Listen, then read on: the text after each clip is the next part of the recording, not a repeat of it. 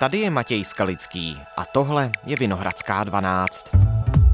Veřejné schvalování ruské invaze na Ukrajině může být podle nejvyššího státního zastupitelství posuzované i jako trestný čin. Podle zákona za, za to hrozí až tříleté vězení. Důležité je ale říct, že je to pouze za určitých podmínek.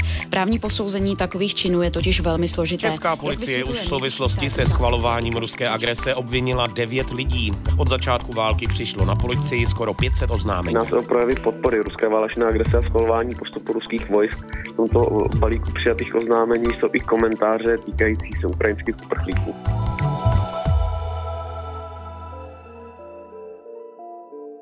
Negativní, lživé a hanlivé a některé přímo nenávistné, xenofobní a rasistické.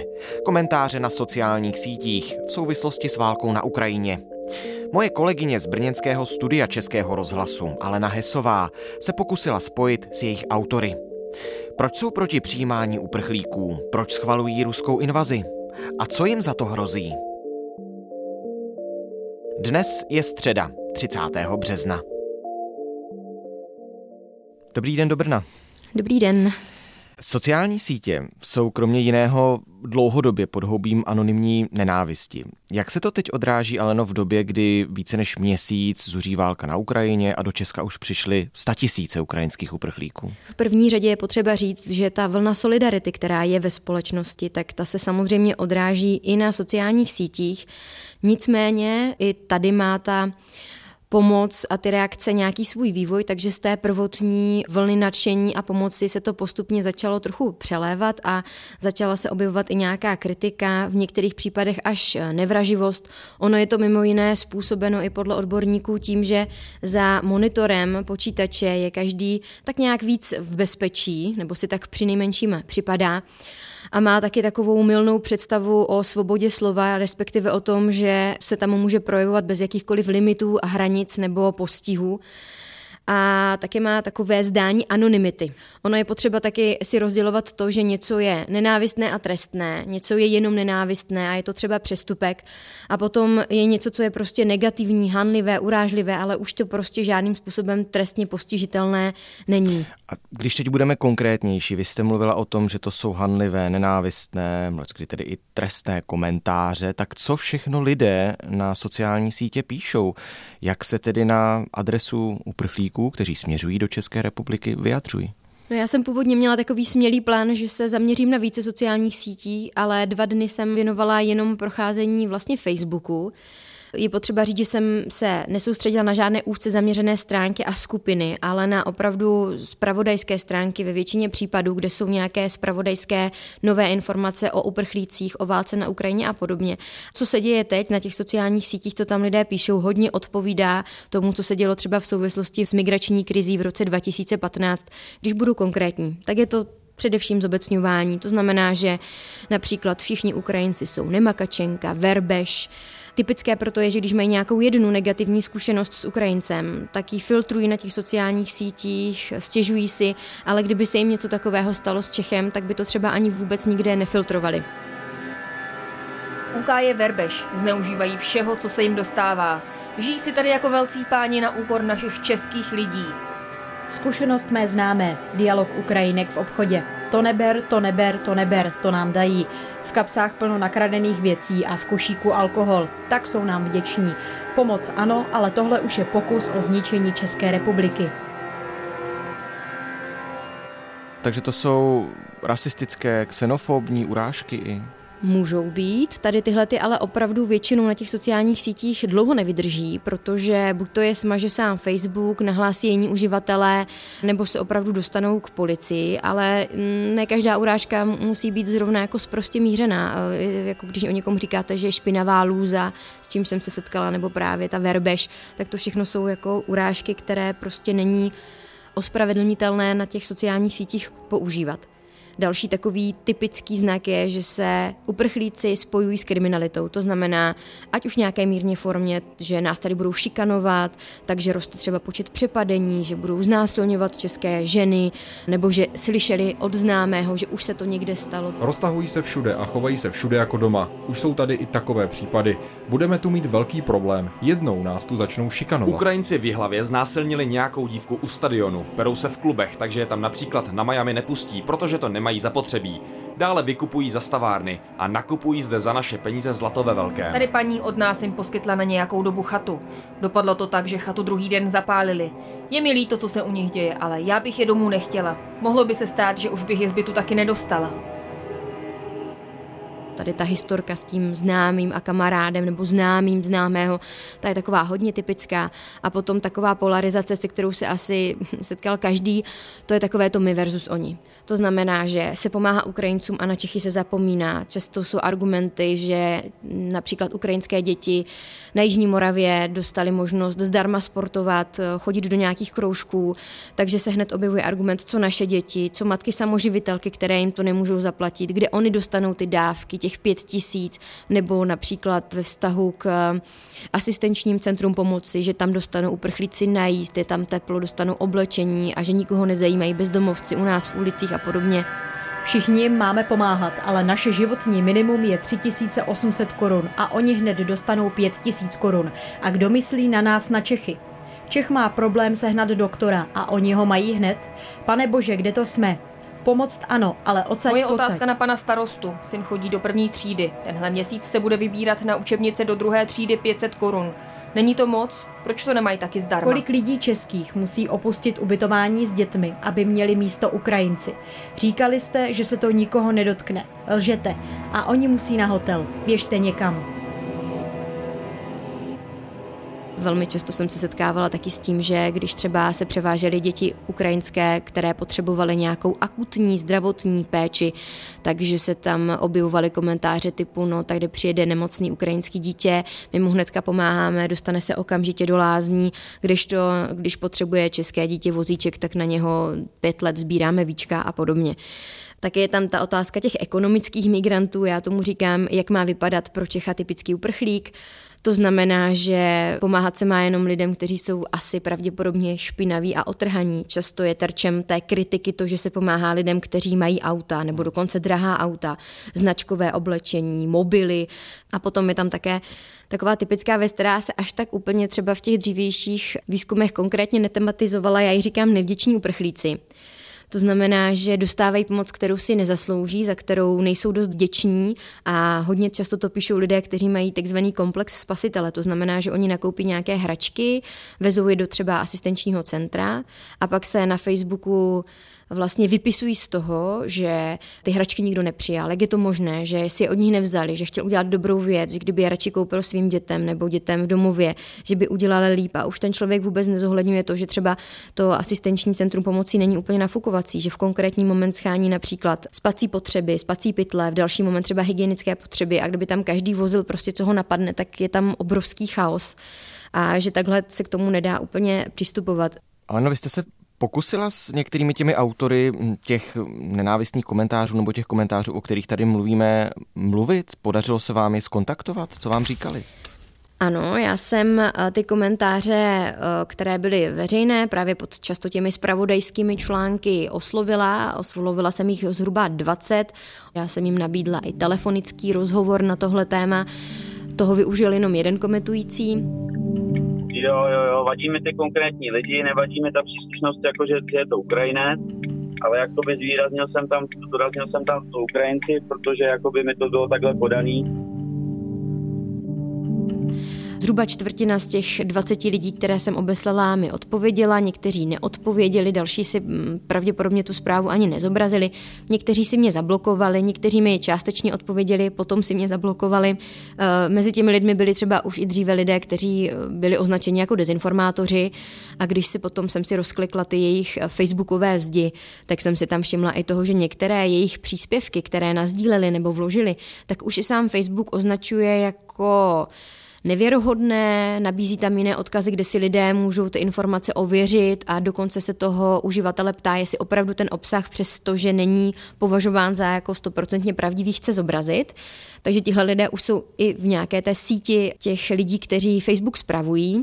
Často, když jsem s těmi lidmi potom už mluvila, tak ten rozhovor byl poměrně konstruktivní. Nikdo z nich na mě prostě nemluvil když jsme vedli nějaký rozhovor třeba s těmi argumenty, jako proč jste toho napsali, že by měli táhnout Ukrajinci domů a že jste slyšel, že tady někoho znásilňují, můžete mi to nějak potvrdit nebo mi říct, kdy se to stalo, abych si to já mohla uvěřit u policie a podobně, tak většinou už jako říkali, že to mají do slechu, že přesně neví, kdy se to stalo, že to, aby táhli, nemysleli úplně na všechny Ukrajince, že to mysleli jenom na určitou skupinu, Někteří mi třeba i řekli nebo psali, že, že to smazali ten komentář později. Já jsem je upozorňovala na to, že když ho smažou, tak já ho mám, byl veřejný, takže s ním takhle budu nakládat. A když už jsem je takhle osobně jakoby konfrontovala do jisté míry, tak často říkali, že si nepřijí, abych to někde zveřejňovala, nepřijí si, aby tam bylo jejich jméno.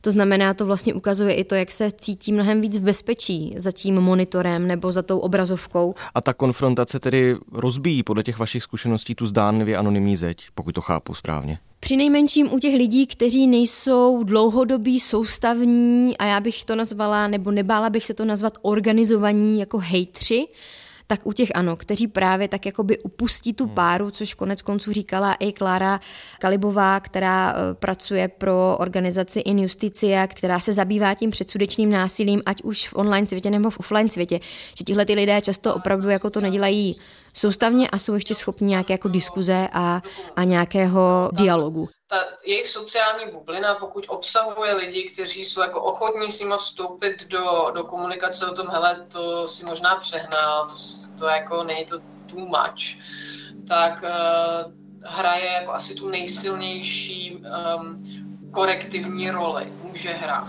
Problém samozřejmě nastal v tom, když jsem chtěla nějaké důkazy, když tam třeba psal nějaký tatínek takovou tu linku my versus oni, to znamená, naše dítě nechtějí přijmout do školky, posílali nám e-mail, že teďka přednostně budou brát ukrajinské děti, tak když jsem po něm chtěla ten e-mail, tak už jsem ho prostě nedostala a řekl mi, že už se vlastně všechno vyřešilo. Což samozřejmě potom se v tom jeho komentáři ale nezohlední. Ten už tam zůstane na pořád, pokud ho nesmaže, kde tvrdí, že prostě ukrajinské dítě dostalo přednost před českým dítětem.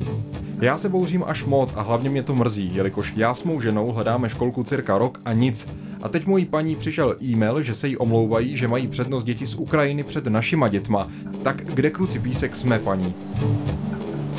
Musíme si pomáhat, ale ne na úkor našeho národu. Co se týče školky, tak se nakonec vše vyřešilo a malej má nastoupit, že upravili hygienická nařízení, takže ho přijmuli. Děkuji a hezký den přeji. Když už se někdo snažil být trošičku víc konfrontační v tom našem jakoby vyříkávání, tak většinou chtěl, abych já říkala svoje názory, abych já řekla, co si o tom myslím, což samozřejmě v mé pozici novinářky jako vůbec není směrodatné v takové situaci. Případně, když už byl někdo osobní, tak říkal, že jsem moc mladá a nemůžu mít názor. Třeba upozorňoval na to, že na svém facebookovém profilu mám u fotky prostě ukrajinskou vlaječku a ptal se, jestli ji tam mám proto, jako že jsem Ukrajinka nebo Češka a snažil se mě vlastně jako typicky soudit podle toho, k jaké národnosti vlastně uh, já patřím. Hmm. Nevím, kolik vám je, jste mladá a když my jsme s radostí se slzami v očích cinkali na svobodáku klíčema za svobodu, vy jste asi ještě ani nebyla na světě. Bohužel jsme naletěli a nikdy jsem si nemyslela, že bude s korumpovanými demokratickými stranami republika rozprodaná, rozkradená, vydrancovaná a že se po 30 letech vrátíme do totality. Vidím, že jste další, co musí mít vlajku. Pokud jste česká holka, měla by tam být česká a ne ukrajinská.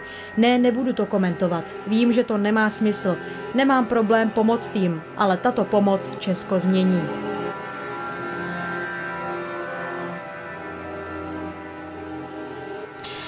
Vy jste mluvila o tom, že některé ty komentáře, které jste zaznamenala tedy na sociálních sítích, nesou známky trestného činu. Zabývá se už nějakými případy policie? Ano, ta čísla hrozně rychle rostou. Já jsem dostala k pondělí informaci, že mají několik set takových případů, že je postupně vyhodnocují a že ve fázi trestního řízení mají zhruba 126 případů. Když to srovnám a ptala jsem se na to zhruba před dvěma týdny, tak to bylo jenom 25. Eh, já jsem samozřejmě chtěla vědět i nějaké konkrétní znění, za co konkrétně, za jaká slova, za jaký komentář, za jaké vyjádření vlastně ti lidé jsou v hledáčku policie což jsem se úplně nedozvěděla, protože jak policie, tak nejvyšší státní zastupitelství v těchto těch vyjádření je hodně opatrné, protože nechce nikomu dávat návod a říkat, co je trestné a co není. Ona totiž i ta hranice je jako poměrně tenká, těžko se to eh, posuzuje a policie vychází z toho, že má analytiky, kteří mají zkušenosti a díky tomu dokážou vlastně rozeznat, co je a co není trestné. A samozřejmě jsem kontaktovala i nejvyšší státní zastupitelství, které bezprostředně po vypuknutí konfliktu na Ukrajině upozorňovalo, že se na tyhle ty projevy zaměří, zejména na ty, které se budou týkat nějakého popírání genocidy, schvalování vlastně ruské agrese a podobně. Tam to aktuálně vypadá tak, že mají 30 věcí v prověřování a zahájili tam už nějaké ty konkrétní úkony. V pěti případech už došlo k tomu stíhání jako takovému a v jednom případě přímo k žalobě ale je také potřeba říct, že oni nedostávají podněty jak policie, tak státní zastupitelství jenom na agresi vůči Ukrajincům, ale také třeba Rusům nebo v menším procentu případů Bělorusů. Pokud jde o nejvyšší státní zastupitelství, tak tam řeší ty nějaké nenávistné projevy vůči Rusům asi v osmi případech a byly to jak nějaké projevy vandalismu, třeba poškozování pomníku a podobně, tak třeba i konkrétní trestné činy proti poškozování majetku Rusů. České ministerstvo obrany varuje před tím, aby rozhořčení nad invazí Ruska na Ukrajinu nepřerostlo v ničení hrobů sovětských vojáků, kteří v roce 1945 osvobozovali Československo. V minulých týdnech už neznámý pachatel poškodil třeba památník se sochou rudoarmějce v Havlíčkových sadech v Teplicích. Nám někdo zazvonil do bytu, to bylo večer kolem 11. hodiny. Někdo nám zavolal a začal křičet nějaká paní, jako zemříte rusáci, okupanti. Když ještě zůstaneme u té nenávisti na síti, víme, když budou případně lidé odsouzeni za ty nejzávažnější, tedy nenávistné komentáře, tak víme, co těmto lidem potom hrozí za postih? Tam trestní sazba v těch nejpřísnějších trestných činech, protože tam je několik skupin eh, trestných činů, pod které to může spadat, tak to popírání genocidy, tak tam eh, hrozí až tři roky vězení, ale jak jsem mluvila třeba právě s Klárou Kalibovou z eh, organizace In Justicia, která se vlastně dlouhodobě zabývá nějakým předsudečným násilím, zastupovala i spoustu lidí, vůči kterým byly namířené nějaké útoky na sociálních sítích i mimo ně, které souvisely třeba s jejich národností, sexuální orientací a podobně, tak ona mi vlastně říkala, že v praxi potom ty tresty jsou jako výrazně nižší. To znamená, většinou jsou to podmínky nebo nějaké spíš jako symbolické peněžité tresty v řádu několika tisícovek, ale ono se tam opravdu zohledňuje to, jestli je to nějaká jednorázová věc, anebo jestli ten člověk je influencer má velký vliv na větší skupinu lidí, jestli to třeba šířil tyhle ty dezinformace nebo nějaké podněcování k násilí vůči skupině lidí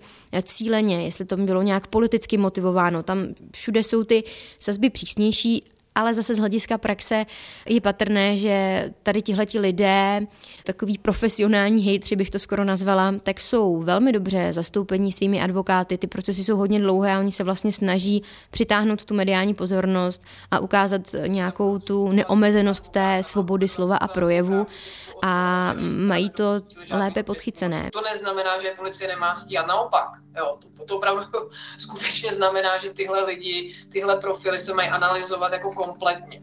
Jo, jak pan Šimek, tak pan Aleš Svoboda, pan Volný, paní Mila Lisková a zbytek téhle hejterský, dříve antivaxerský, dlouhodobě pro putinovský populace, má být v hledáčku orgánů činných v trestním řízení. Většinou jsou velmi rychle potrestaní třeba lidé, kteří si ani nevezmou právního zástupce do takového sporu a kteří opravdu jenom tak nějak jako upustili páru, třeba i jednorázově.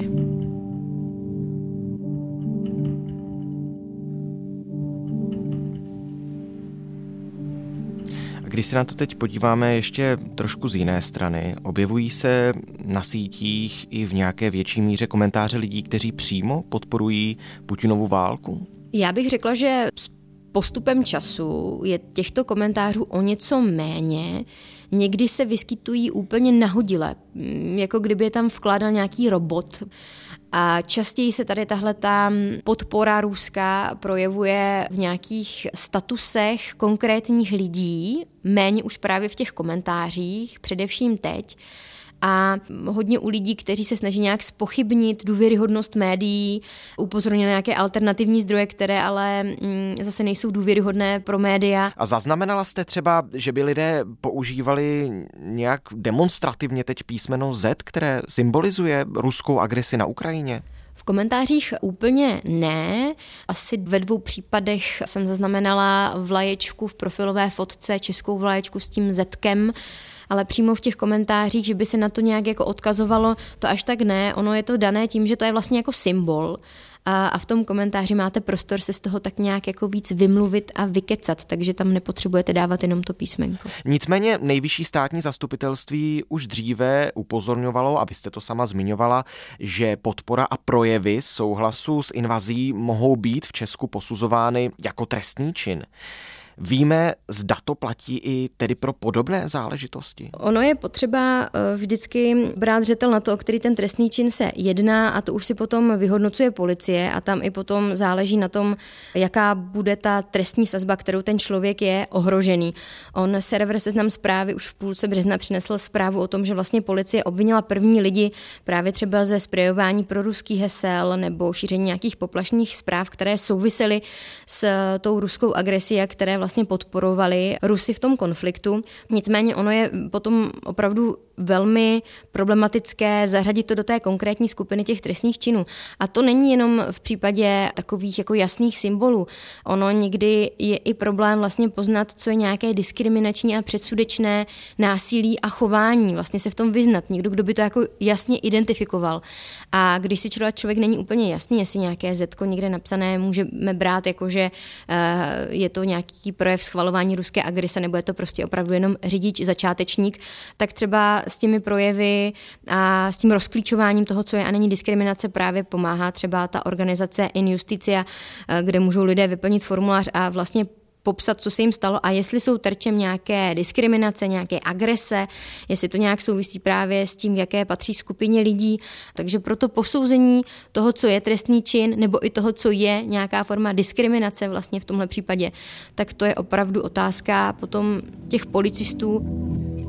Třeba v případ, který se stal v Teplicích, kdy na zdi byla ukrajinská vlajka a na ní se potom objevilo písmeno Z, které vlastně je symbolem té ruské agrese, tak tím případem se policie zabývala, vyšetřovala ho jako podezření ze spáchání právě popírání genocidy. Na zeď v Teplicích natřenou v barvách ukrajinské vlajky, tedy žluto-modře, někdo namaloval velké písmeno Z. To symbolizuje ruskou invazi na Ukrajinu, protože je namalované na některých tancích a další ruské vojenské technice. Tímto případem se na základě oznámení přijatého dnešního dne skutečně zabýváme. Policisté nyní provádí prvotní šetření, právní kvalifikace teprve teprve bude stanovená. Na to by se měly stahovat samozřejmě i nějaké jiné další případy, nicméně policie je poněkud skoupá na ty informace ve všech případech, které jsou aktuálně prověřované, takže podrobnosti se v tomhle případě úplně moc nedozvíme. Nicméně vzhledem tomu, že už byl jeden případ vlastně potvrzený policií, tak je velice pravděpodobné, že podobné symboly se stanou i znova cílem policistů při prověřování.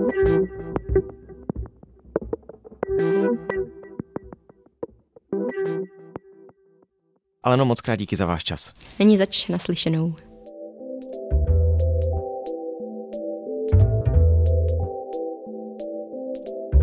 Tohle je všechno z dnešní Vinohradské 12 z pravodajského podcastu Českého rozhlasu.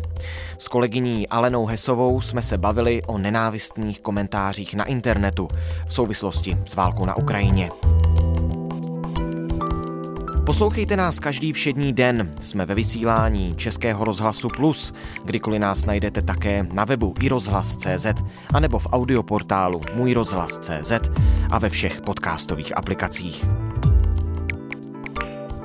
Naslyšenou zítra.